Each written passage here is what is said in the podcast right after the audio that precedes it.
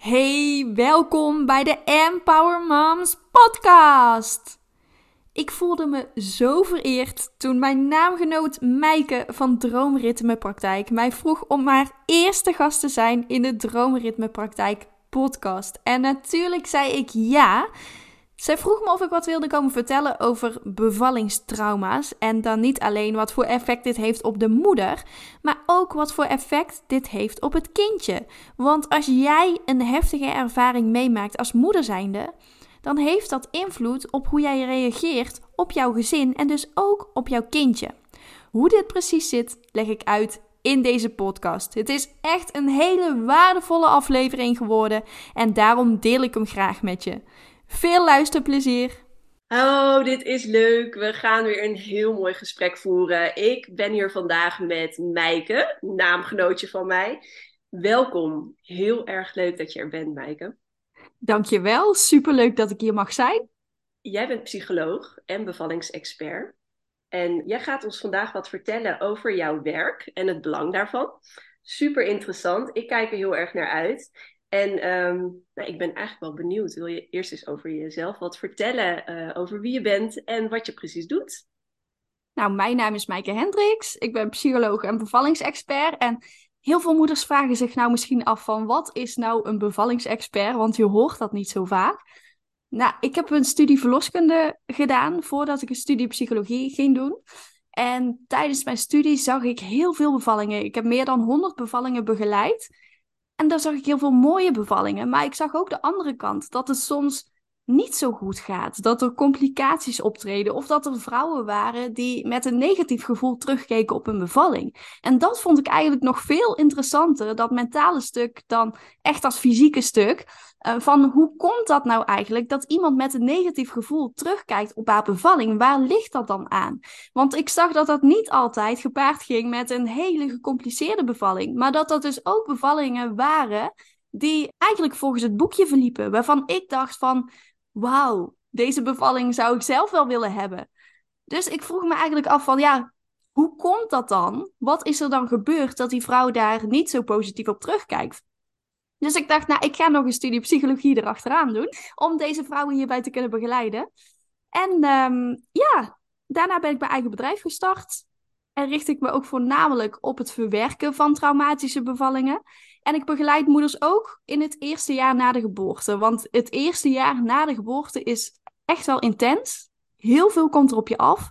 Je kunt je daar eigenlijk ook niet heel erg goed op voorbereiden.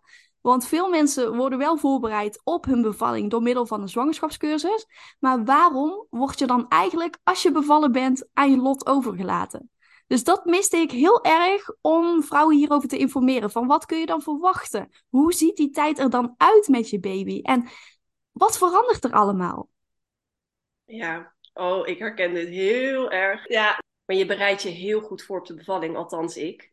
En daarna, ik had eigenlijk geen idee wat ik kon verwachten. Je wordt een soort van in het diepe gegooid en uh, ja, zoek het maar uit. Hè? En als het dan goed gaat en je, je kindje gewoon happy en tevreden is, dan is het allemaal op zich is het ook allemaal nieuw en overweldigend. Maar dan rol je er wel een beetje in. Maar ik kan me heel goed voorstellen dat als die start niet zo uh, vanzelfsprekend is geweest, of dat die start lastig is geweest, dat dat echt heel pittig moet zijn voor jou als moeder. Om dan uh, je kindje uh, te begeleiden dat eerste jaar. Ja, zeker. Sowieso is het voor iedereen overweldigend of je nou je eerste kind is of je tweede, derde of vierde kind. Elke keer krijg je weer te maken met allerlei veranderingen en je ritme verandert en je hele leven staat op zijn kop. Want vaak denk je, oh, een volgend kind doe ik er wel even bij, want ik weet hoe het werkt. Maar ieder kind is anders. En je moet echt weer zoeken naar die structuur en de fijne balans tussen hè, je werk, gezin en jezelf. Hoe doe je dat dan? Elke keer is het weer zoeken. Dus dat is best wel een uitdaging en kost ook heel veel energie. En energie, dat heb je vaak ook niet heel erg veel na de bevalling. Het slapeloze nachten, een baby die vaak voeding nodig heeft. Je hebt weinig tijd voor jezelf, dus dat is echt wel heel erg intens. Dus hoe fijn is het dan als je het niet zelf hoeft uit te zoeken, maar er gewoon een soort van handleiding is. En vooral als het anders liep dan jij van tevoren had gedacht, dan komt er ook heel erg veel op je af. En jouw lijf staat dan als het ware Continu staat jouw lijf aan. Je staat in een soort van overleefstand. Je voelt heel veel stress. Ehm, en vaak hebben vrouwen ook geen idee waar het vandaan komt. Ze zijn bevallen, ze hebben een heel nieuw leven. En ze hebben het gevoel alsof ze tijdens die bevalling zichzelf zijn kwijtgeraakt. Dat hoor ik heel erg vaak van vrouwen. Van ik ben mezelf verloren. Ik weet niet precies waardoor het komt. Maar ik voel me niet mezelf. Ik voel me heel erg gestrest. Ik lig constant te piekeren. Ik kan me niet concentreren op dingen. Ik kan niet genieten van dingen. Ik heb mijn kind wel bij me. Ik wilde heel graag een kind. Maar nu heb ik een kind. En dan voel ik me zo. Van hoe kan dat dan? Waar ligt dat dan aan? Dus ik kijk ook altijd met vrouwen terug van hoe was je zwangerschap? Hoe was je bevalling? Hoe was jouw kraamtijd? Zijn er daar bepaalde dingen gebeurd? Zijn er heftige dingen gebeurd? Of zijn er bijvoorbeeld bepaalde opmerkingen gemaakt die jou hebben geraakt? Want dat kan ook het geval geweest zijn. Het hoeft niet per se een hele gecompliceerd iets te zijn. Het kan echt een kleine opmerking van iemand zijn, bijvoorbeeld van een verpleegkundige of van een arts, um, die jou enorm heeft geraakt. Of waardoor jij het gevoel had van hé, hey, ik verlies de controle. Dus dat kan allemaal het geval zijn. Maar het is wel belangrijk om hier vooral niet in je eentje mee te blijven rondlopen, maar erover te praten. Praat er vooral over met de mensen in je omgeving. Praat erover met je partner. Praat erover met je vriendinnen. Geef aan hoe jij je voelt. Want krop het vooral niet op. Op het moment dat jij het opkropt, dan blijft het ook in je lijf aanwezig. Hè? Zie het als een soort van strandbal die je onder water probeert te duwen dat kost heel veel kracht en dat kost heel veel energie. En dat hou je op de lange termijn ook niet vol, want die strandbal wil boven water, die wil dat water uit. Dus op het moment dat jij dat loslaat, dan schiet die bal als het ware naar boven, zo bam. En ja, zo is het ook met emoties. Het kost heel veel kracht en energie om die emoties te onderdrukken, want die willen gevoeld worden. Dat wil naar boven. Dus op het moment dat jij dus die strandbal eigenlijk als het ware langzaam naar de oppervlakte brengt, dan drijft die ook langzaam weg.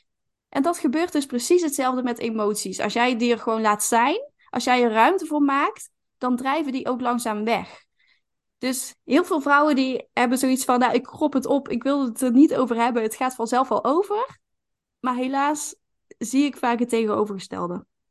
Ja, ik heb zelf ook wel in mijn kraamtijd af en toe gevoelens ervaren waarvan ik dacht, dit is niet goed. En dat zeg ik heel bewust, dit is niet goed, omdat het een beetje als een verboden gevoel voelt. Weet je, je hebt een babytje gekregen, je bent bevallen, je kindje is gezond, althans bij ons. En voor je gevoel mag je niet ondankbaar zijn of verdrietig zijn of teleurgesteld zijn je moet gewoon heel blij zijn, want je hebt een gezond kind. Dat is ook wat iedereen tegen je zegt. Terwijl hoe jij eruit komt, is ook heel belangrijk. Jij als moeder wordt ook geboren. Dus Absoluut. Ja, en al die energie die je dan dus nodig hebt om die emoties te onderdrukken, als ik jou zo goed begrijp, die heb je juist dus ook heel hard nodig om nou ja, aan die hele nieuwe situatie te wennen. Ja, en emoties kunnen naast elkaar bestaan. Hè? Je mag blij zijn dat je een kindje hebt, maar je mag bijvoorbeeld ook verdrietig zijn over dat jij je oude leven um, niet meer zo vrij kunt leven, bijvoorbeeld. Want dat is echt iets waar moeders tegenaan lopen. Van, oh, ik moet nu gaan plannen. Ik kan niet meer zomaar weg ik heb altijd rekening te houden met een kindje. Dus hè, dat mag allemaal naast elkaar bestaan. Dus eigenlijk op het moment dat je moeder wordt, kom je terecht in een rollercoaster van emoties. Met boosheid en verdriet en blijdschap en vreugde. En dat mag er echt allemaal zijn. En het is ook belangrijk om dat er te laten zijn. Want dat is echt helemaal oké. Maar helaas horen we hier niet zoveel over. Er zit echt een taboe op eigenlijk. Van we moeten allemaal die roze wolk ervaren. Het moet allemaal fantastisch zijn. Maar weet je, 99% van de moeders ervaart die roze wolk niet. Daar is het eerder een grijze wolk of een donderwolk. Er zitten allerlei verschillende kleuren in die wolken. En dat is echt allemaal oké. Dat mag allemaal zijn. En hoe mooi zou het zijn als we hier wat meer open over kunnen praten. Dat het niet altijd perfect is, maar dat het dus ook gewoon heel erg intens kan zijn en ook heel erg zwaar kan zijn. En dat dat gewoon oké is. Ja, wat je net ook zei, dat je allerlei gevoelens kunt ervaren, dat het ook allerlei redenen kan hebben dat je dat gevoel niet hebt. Traumatische bevalling, een geboortetrauma, als ik jou goed begrijp, kan dus met heel veel verschillende dingen te maken hebben. En de oorzaak daarvan kan dus ook overal en ergens liggen. Ja, en het trauma klinkt ook heel erg heftig. Ja. Als je zegt van, oeh, ik heb misschien een trauma. Mensen zeggen dat niet van zichzelf. Trauma, bij dat woord, dan denken we eigenlijk meer aan oorlogsslachtoffers of vluchtelingen, maar minder aan iemand die bijvoorbeeld een bevalling heeft meegemaakt. Want er zijn toch echt miljoenen moeders bevallen of miljarden moeders bevallen. En je hoort eigenlijk vrij weinig over een trauma. Maar één op de drie moeders heeft een traumatische ervaring meegemaakt. Tijdens haar zwangerschap, tijdens haar bevalling of de tijd daarna. En dat is dus echt heel erg veel. Maar ja, wat is een trauma nou precies? Eigenlijk is een trauma iets wat jij als heftig ervaart. En dat is heel erg subjectief. Wat voor de een heel heftig is, hoeft voor de ander niet zo heftig te zijn bijvoorbeeld als iemand een opmerking maakt die jou enorm raakt. En dat kan te maken hebben met iets wat jij in het verleden hebt meegemaakt. Als jij vroeger bijvoorbeeld bent gepest, dan raakt een opmerking van iemand die iets zegt over jouw uiterlijk bijvoorbeeld, die raakt jou dus enorm. Maar als iemand diezelfde opmerking te horen krijgt, die dus bijvoorbeeld nooit vroeger is gepest, ja, die heeft zoiets van, nou, boeien, weet je, ik ken jou niet zo goed, het raakt mij totaal niet. Dus het is echt Hè? Iedereen ervaart het anders. En dat maakt het ook zo lastig. Dus een trauma is gewoon echt iets waarvan jij het gevoel hebt dat het heftig voor je was. Op het moment dat het gebeurde en ook op het moment dat jij eraan terugdenkt. Maar het kan ook zo zijn dat, dat jij bijvoorbeeld een opmerking te horen krijgt tijdens jouw bevalling van de gynaecoloog of de verloskundige die zegt tegen jou: Joh, maak geen geluid tijdens het persen, want je moet die energie bewaren om je kind naar buiten te persen. En dat kost veel te veel kracht, kost veel te veel energie als jij daarbij geluid maakt. Dus doe het vooral niet. Terwijl jij echt heel sterk in jouw lijf voelt van, oh, ik moet hierbij gillen of ik moet van die oorgeluiden maken. En je kunt dat eigenlijk niet onderdrukken. Maar als mensen tegen jou zeggen, dat mag je absoluut niet doen, dan krijg je echt het gevoel van, ik doe iets niet goed. En dan word je heel erg onzeker van. En je verliest eigenlijk ook het vertrouwen in je eigen lijf. Dat je denkt van, oh, maar ik mag dit niet, maar ik voel dat het moet hoe moet ik nou reageren? En je blokkeert eigenlijk als het ware. Dus een hele simpele opmerking eigenlijk van die gynaecoloog, die daar helemaal niks negatiefs mee bedoelt, die kan jou op dat moment heel erg raken. En dat kan echt in je systeem gaan zitten. Daardoor kun je echt in die overleefstand gaan staan, want jouw lijf voelt heel erg veel stress van, oh, ik doe iets niet goed. Er gebeurt van alles. Ik raak als het ware in paniek. En die komt eigenlijk niet meer uit die overleefstand. Ook na de bevalling niet. Je blijft daarin staan, waardoor je dus heel erg gevoelig bent voor alle prikkels om je heen. Je ziet ook vaak bij mensen die zoiets heftigs hebben meegemaakt, dat ze uh, geluiden of beelden, uh, ja, geluiden of lichten eigenlijk niet zo goed meer kunnen verdragen. Dat ze heel erg snel overprikkeld zijn, doordat hun lijf dus eigenlijk constant aanstaat. En ze kunnen zich moeilijk concentreren op de dingen waar ze mee bezig zijn, omdat hun hoofd heel erg vol zit met wat er gebeurd is. Dus er gebeurt van alles in je lijf en dat heeft heel veel effect op hoe jij functioneert als moeder. Dus daarom is het heel erg belangrijk om echt die ervaringen te gaan verwerken. En dat is niet makkelijk, hè? We denken echt dat dat vanzelf overgaat met de tijd, maar heel vaak is dat niet het geval. Dus ik wil je vooral ook meegeven van schaam je er vooral niet voor als jij dit ervaart, want je hoeft hier niet mee te blijven rondlopen. En het is heel normaal, want heel veel vrouwen maken dit mee. Dus schaam je er echt vooral niet voor. Nee, want je zegt dit zo, hè? En dan denk ik van, heb je daar dan als moeder tijdens je bevalling of tijdens dat er een gebeurtenis plaatsvindt waar je last van hebt op dat moment, dat heb je denk ik op dat moment zelf niet direct door. Kun je dat ook voorkomen dan? Ja, dat is heel erg lastig. Um, we kunnen ons wel voorbereiden op de bevalling door middel van een zwangerschapscursus of we schrijven een bevalplan. En dat raad ik ook altijd aan om je echt bewust te zijn van, hé, wat gebeurt er nou ook in mijn lijf? En welke fases zijn er van de bevalling? En uh, wat als er complicaties optreden? Wat wil je dan? Bespreek dit ook vooral met je partner. Want stel dat jij niet meer in staat bent om beslissingen te nemen, dan is het fijn als jouw partner dit kan overnemen. En bespreek dit ook vooral met je verloskundige of gynaecoloog. En meer dan dat, die voorbereiding, kun je ook eigenlijk niet doen. Want je kunt je nog zo goed voorbereiden, maar een traumatische ervaring kun je niet altijd voorkomen. Dat kan iedereen overkomen. Dus dat wil ik wel meegeven van het is ook niet jouw schuld. Heel veel mensen voelen zich schuldig van oh, had ik maar anders gereageerd, had ik maar iets anders gedaan of maar het is absoluut niet jouw schuld, hè? Want het, het kan altijd. Ja, het, het hoeft maar in een kleine opmerking te zitten of een gebaar van iemand. Als jij het niet fijn vindt dat iemand een hand op jou legt terwijl jij aan het bevallen bent, ja, of als iemand jou gaat toucheren terwijl die niet heeft gevraagd of dat mag. Ja, dat, dat, dat voelt als een soort van verkrachting. Dus sommige vrouwen kijken daar ook echt met zo'n heftig gevoel op terug. Maar ook als er complicaties zijn, hè, complicaties kunnen altijd optreden, hoe goed jij je ook voorbereidt. Want een bevalling kun je gewoon niet plannen. En ook dan, ja, hoe ervaar jij die complicaties? Wat, wat gebeurt er? Word jij geïnformeerd? Wordt, wordt er gecommuniceerd met jou? Dat zijn echt de dingen die heel erg belangrijk zijn. Informeren en communiceren. Hoe wordt er met jou omgegaan? Word jij gerespecteerd? Heb jij het gevoel dat jij nog steeds de regie hebt? Veel vrouwen willen de regie behouden. En dat is ook heel logisch, hè? want het is jouw lijf en de baby zit in jouw lijf. En jij bent de baas over jouw eigen lijf. En niemand mag zomaar iets doen zonder jouw toestemming. Dus ehm, ja, als daarin iets misgaat, dan, dan raakt dat enorm. Ja. Ja, ik denk dus dat daarin die voorbereiding dus ook echt heel erg kan helpen. Dat je dus weet wat je wilt, ook al heb je daar niet altijd invloed op. Maar vooral ook dat je weet, als er dus een complicatie optreedt of er gebeurt iets wat je, waar je eigenlijk ja, wat je niet hoopt dat er gebeurt, dat je weet wat je opties dan zijn. Hè? Om dus dan zoveel mogelijk die regie toch te kunnen behouden, ook al loopt de situatie anders dan je voorafgaand had verwacht of gehoopt. Zeker, ja. En daarom is het dus goed om dit te bespreken met de mensen die bij jouw bevalling aanwezig zijn, zodat die ook kunnen ingrijpen als het jou niet meer lukt. Want hè, door al die pijn kun je echt in die bubbel gaan zitten, uh, waardoor het heel lastig is om mee te krijgen van wat er allemaal om je heen gebeurt. En jouw partner zal daar waarschijnlijk wat meer alert op zijn. En als die weet van hé, dit wil ze wel of dit wil ze niet, dan kan die daar ook echt op ingrijpen. Of iemand anders, hè, een doula bijvoorbeeld. Is ook heel fijn om bij je bevalling te hebben. Sowieso om jou te ondersteunen, maar ook om het, eigenlijk het proces daarin te begeleiden. Om echt te kijken van oké, wat wil de zwangere? Hè? Wat, wat gebeurt er? Wat wil ze vooral niet? En hoe kunnen we voorkomen dat er dingen worden gedaan die ze eigenlijk niet wil? Ja, precies.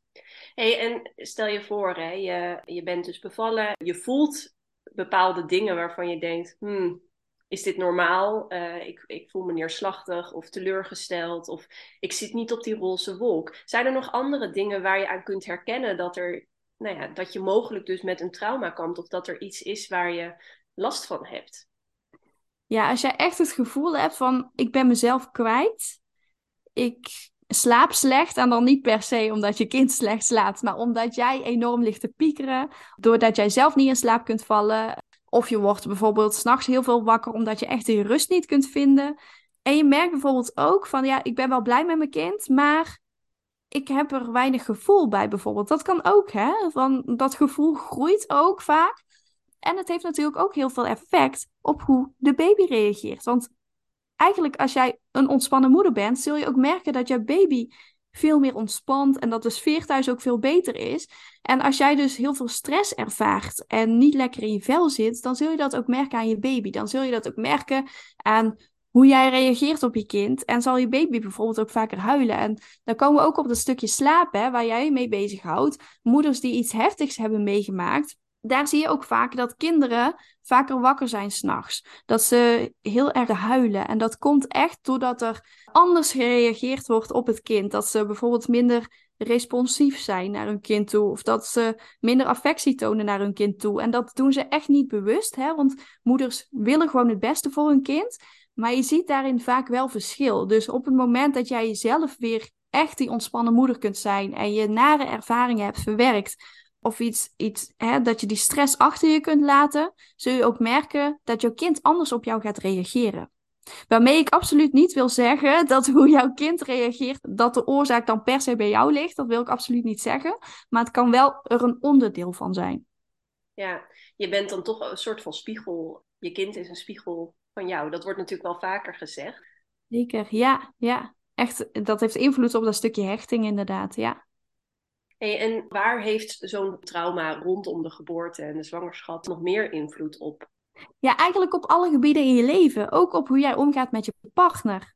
Want ik zie ook heel veel vrouwen die het eigenlijk niet willen delen hoe ze zich voelen. Die dat meer voor zichzelf houden. En je partner merkt echt wel dat er iets is. Dus daarom zeg ik ook altijd van deel het vooral met je partner hoe jij je voelt. En ook al doe je dat meerdere keren per dag. Dat is absoluut oké. En als jij denkt van, oh, mijn partner vindt dat vervelend, praat er dan ook vooral over. Van, vind je het vervelend als ik het hierover heb? En heel vaak zeggen partners, nee, het is juist goed om hierover te praten. En ik wil juist weten hoe jij je voelt. En dat schept ook een band. Want als jij het niet vertelt, dan weten mensen het niet. En dan kunnen ze jou ook niet helpen. Dus vooral dat praten is heel erg belangrijk.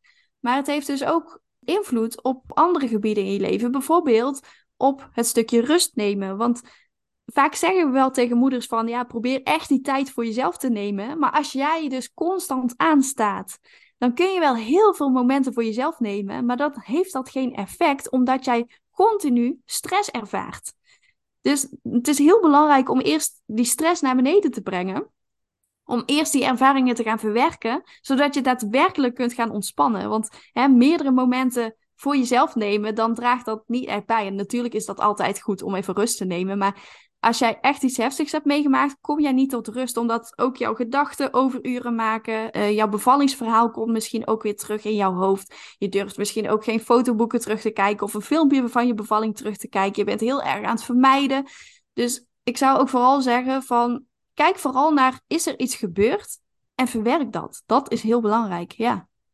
En hoe doe je dat dan? Kun, kun je als moeder zijnde zelf ook al dingen doen zonder dat je direct hulp hoeft in te schakelen? Ja, om erachter te komen, in eerste instantie te herkennen natuurlijk dat je, dat je ergens op, met een vervelend gevoel op terugkijkt. En vervolgens ook dat te verwerken dan. Hoe doe je dat?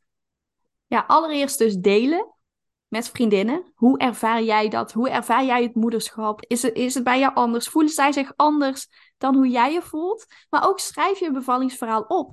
En dan niet per se met feiten van hey, om één uur braken mijn vliezen. Maar meer over hoe voelde ik me tijdens die bevalling. En welke gedachten waren er toen tijdens die bevalling. Zo heb je eigenlijk meer een beeld van oké, hoe heb ik het dan echt ervaren? En je partner kan dat ook doen, hè? Zo kun je het ook bespreken met elkaar. Want misschien heeft hij geen idee dat jij het als zo heftig hebt ervaren. En op het moment dat jij het opschrijft, krijg je daar dus meer inzicht in. Dus zo maak je het eigenlijk meer reëel voor jezelf. Dat je niet zo in je hoofd blijft denken van, oh ja, maar ik heb toch een prima bevalling gehad, dus waarom voel ik me zo? Maar het hoeven echt maar kleine dingen te zijn, zoals ik dat straks ook al vertelde, die dus een impact hebben gemaakt. En door het dus zo op te schrijven met allerlei gevoelens en gedachten, kom je erachter waar eigenlijk dat precies zit. Dus dat, uh, dat zou ik ook zeker aanraden. Ja, precies. Ja, ik heeft mij inderdaad ook heel erg geholpen. Ik heb, kijk heel positief terug op mijn bevalling. Ik heb gelukkig ook geen negatieve ervaringen of gevoelens waar ik op terugkijk.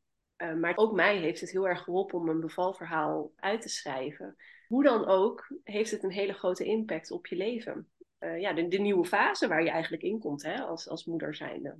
Stel je voor nou, hè, je, je hebt dat dan uh, uh, opgeschreven voor jezelf en je komt erachter dat er dingen zijn waar je nou, verdrietig van wordt of boos van wordt, teleurgesteld van bent. Dingen die er zijn gebeurd tijdens je bevalling of een ingrijpende gebeurtenis tijdens je zwangerschap. Hoe dan ook, je bent erachter gekomen dat er iets is waar, waar je mee zit. Wat kun je dan doen om dat te verwerken of op te lossen? Nou, ik zou zeggen, geef het eerst even de tijd na je bevalling pak echt die zes weken de tijd om het te verwerken, om het, om het zelf eigenlijk een plekje te geven. Want er gebeurt die eerste zes weken nog heel veel in je lijf en in je hoofd. Vaak krijgt het ook vanzelf een plekje, maar mocht jij na die zes weken nog steeds ervaren van oké, ik kan niet met een goed gevoel terugkijken op die ervaring. Of het raakt mij nog steeds enorm. Ik kan er bijvoorbeeld niet met een fijn gevoel over praten. Of als ik erover praat, word ik heel erg emotioneel. Dat zijn echt wel tekenen dat er iets aan de hand is. En bespreek dit dan ook vooral tijdens het nagesprek met je verloskundige of gynaecoloog. En ik weet ook dat dat heel erg lastig is om naar die gesprekken toe te gaan op het moment dat jij je bevalling dus als heel erg heftig hebt ervaren omdat dat dan heel confronterend kan zijn. Je komt weer terug in het ziekenhuis of in de verloskundige praktijk. Je ziet diegene weer die bij de bevalling aanwezig was. Dus dat kan je ook enorm raken. Dat zijn eigenlijk allemaal triggers. Dus wat we ook vaak zien, is dat mensen dus dat gesprek gaan vermijden.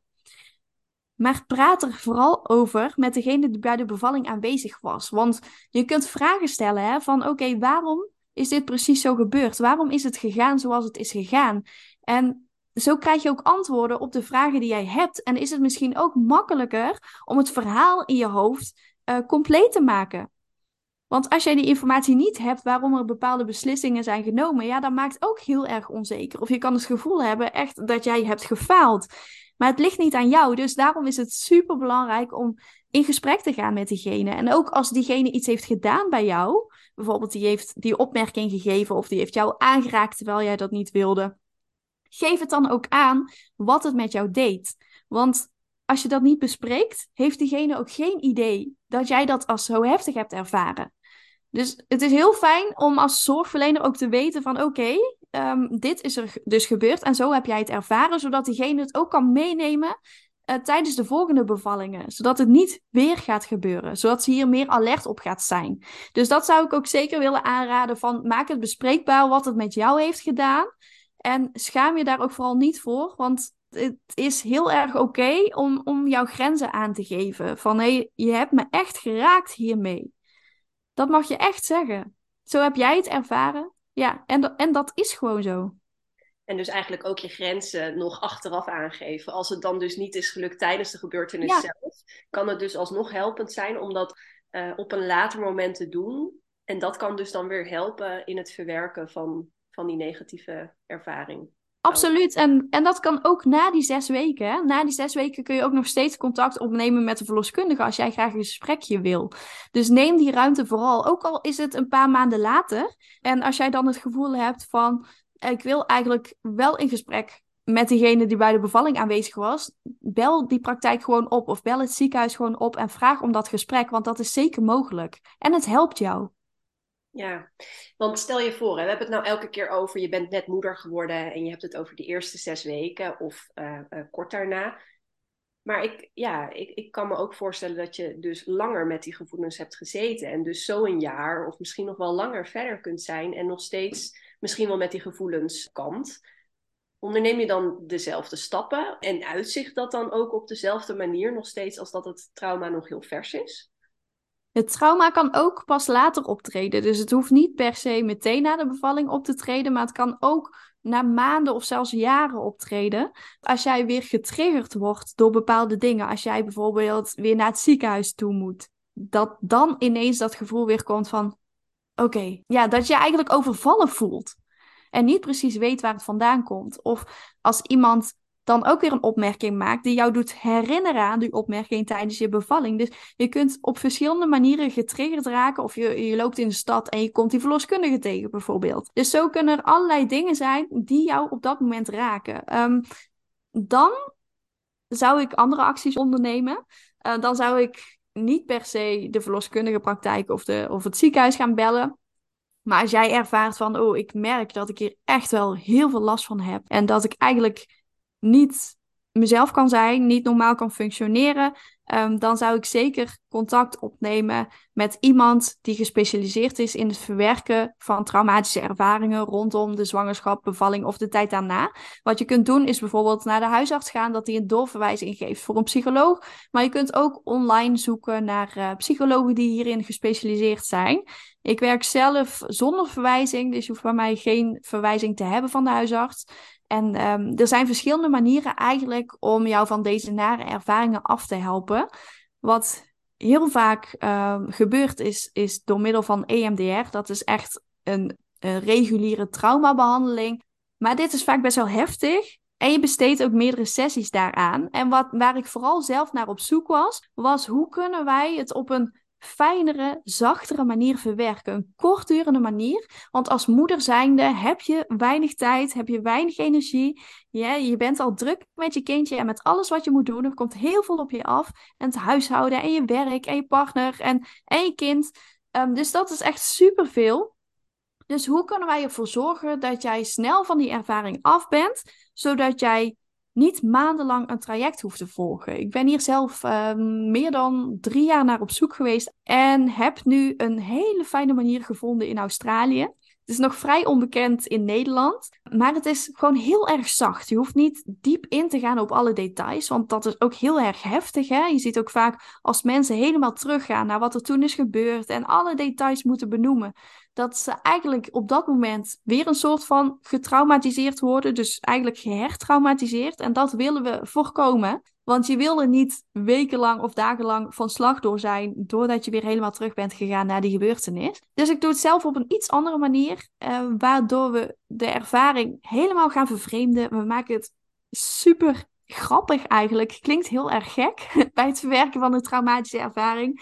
Maar je slaat dus die nieuwe ervaring, bijvoorbeeld met stripfiguren, of hè, je, je, eh, je ziet het in zwart-wit voor je, die sla je dus opnieuw op in je hersenen. En je oude ervaring wordt dus als het ware overschreven, waardoor alle emoties eraf gaan. En dat werkt echt perfect. In twee uur tijd hebben 99% van de vrouwen hebben hun ervaring verwerkt. Ja. In twee uur tijd. Maar wat maakt dan, Maaike, dat dit nog uh, zo'n onbekend zo'n onbekende techniek is. Ik geen idee hoe heet de techniek überhaupt dan, eh, de methode die jij gebruikt? De Trauma Buster techniek. Ja, het is echt onbekend nog, omdat het uit Australië komt. Het begint nu een beetje bekendheid te krijgen in Europa. Ik ben ook de eerste psycholoog in Nederland die dit mag toepassen, maar het begint steeds meer bekendheid te krijgen. Maar hè, zoals met nieuwe technieken, um, dat gaat allemaal niet zo snel. dus vandaar dat je er nog vrij weinig over hoort. Maar echt, ik raad dit iedereen aan die een uh, traumatische bevallingservaring heeft gehad. Of een traumatische ervaring rondom de zwangerschap of de tijd na de bevalling. Omdat het zo fijn is, zo zacht is. Je bent niet meer dagenlang of wekenlang van slag. Je loopt echt met een opgelucht gevoel de deur uit. Dat is wel zo fijn. Want je hoeft niet dagenlang op de bank te liggen omdat je niks meer kan. Maar je hebt gewoon weer energie. Je hebt het achter je gelaten en je kunt weer verder met je leven. Je hebt jezelf weer gevonden. En dat klinkt ja, ik hoor wel eens van mensen, ja, maar dat klinkt te mooi om waar te zijn. Hoe kan dat dan? en ik snap het helemaal, hè. Maar het werkt zo effectief. Die twee uur zijn best wel intens, hè, want twee uur is lang. Maar we gaan het zo vervreemden dat je het echt gewoon meteen anders opslaat en meteen die emoties ervan afhaalt. En um, ja, ik ben er echt groot voorstander van. Iedereen zou dit moeten doen, deze, die werkt in de geboortezorg en uh, deze vrouwen begeleidt ja, het klinkt inderdaad dat je zegt, het klinkt bijna te mooi om waar te zijn dat je in twee uur tijd trauma's kunt oplossen. Uh, ja. Tegenover EMDR, wat toch uh, wel uh, bekend is onder veel mensen en waar nog steeds veel mensen ook gebruik van maken. Wat dus ook wel werkt, maar waar je dus dan wel nou ja, opnieuw dat hele trauma moet herbeleven. En dat dat dus best wel een grote impact ook heeft tijdens die behandelingen. En dat het dus ook langer duurt joh, echt uh, baanbrekend klinkt het bijna, hè? Ja, maar echt. Ja, maar er zijn ook meerdere psychologen in opleiding. En uh, we zijn echt met steeds meer mensen. Dus het begint meer bekend te worden. En dat is echt tof. Want ik zet me hier echt voor in. Zodat mensen hiervan weten. Zodat ze niet maandenlang hiermee bezig hoeven te zijn. Want ook als jij een trauma ervaart, het is een drempel om hulp te zoeken. Mensen zoeken echt niet gemakkelijk hulp. En ik snap dat. Want dat is ook ja, dat is heftig. En mensen hebben vaak ook het gevoel van, oh, als ik hulp zoek, dan is er echt iets met me aan de hand. Maar het, het, het, is heel normaal als jij zoiets hebt meegemaakt. En het komt zo vaak voor. En schaam je daar vooral niet voor. En er kan echt in de hele korte tijd iets aan gedaan worden. Dus tijdgebrek hoeft geen excuus meer te zijn, want je hebt echt maar twee uur nodig. nou, dat is een, uh, denk ik een hele mooie take-home message. Um. ja. ja. Hey, en uh, stel je voor, mensen zijn nieuwsgierig geworden naar jou en uh, de methode die jij gebruikt. Waar kunnen ze jou dan volgen? Nou, je kunt mij volgen op Facebook of Instagram. EmpowerMomsNL heet ik daar. Of je kunt mij, mijn website bezoeken, www.empowermoms.nl. Of je kunt mijn podcast vinden op Spotify, iTunes en Soundcloud. De Empower Moms podcast. Vind je ook meer informatie hierover, over zwangerschap, bevalling en de tijd daarna. Dus daar kun je me vinden. Leuk, ja, want wij hebben samen ook al een keer. Uh, ik ben ook al een keer te gast geweest bij jou in de podcast, dat klopt, ja. Daar hebben we het nog helemaal niet over gehad, uh, deze aflevering. ja, je bent ook te gast geweest bij mij inderdaad over slaap. Ook een hele interessante aflevering, dus zeker de moeite waard om te luisteren. Leuk. Hey, um, Maaike, uh, super interessant. Ik denk dat het super waardevol is. Vooral omdat het nog een relatief onbekend thema is, dat trauma. En uh, iedereen gewoon maar denkt, generaliseer ik het wel, maar hè, van het hoort erbij. Een bevalling is nou eenmaal heftig en die gevoelens ervaar je nou eenmaal. Want je hebt het niet in de hand, maar dat hoeft dus helemaal niet. En hoe mooi is dat, dat jij daar meer over hebt willen delen. Ik wil je daar echt voor bedanken. super gaaf dat je er was. En ik zal je gegevens allemaal even onder in de omschrijving zetten bij de aflevering. Dus ben je benieuwd naar Mijke en uh, naar wat zij doet, dan uh, kun je dat daar de info verder vinden. Dankjewel, Maaike. Jij ook bedankt.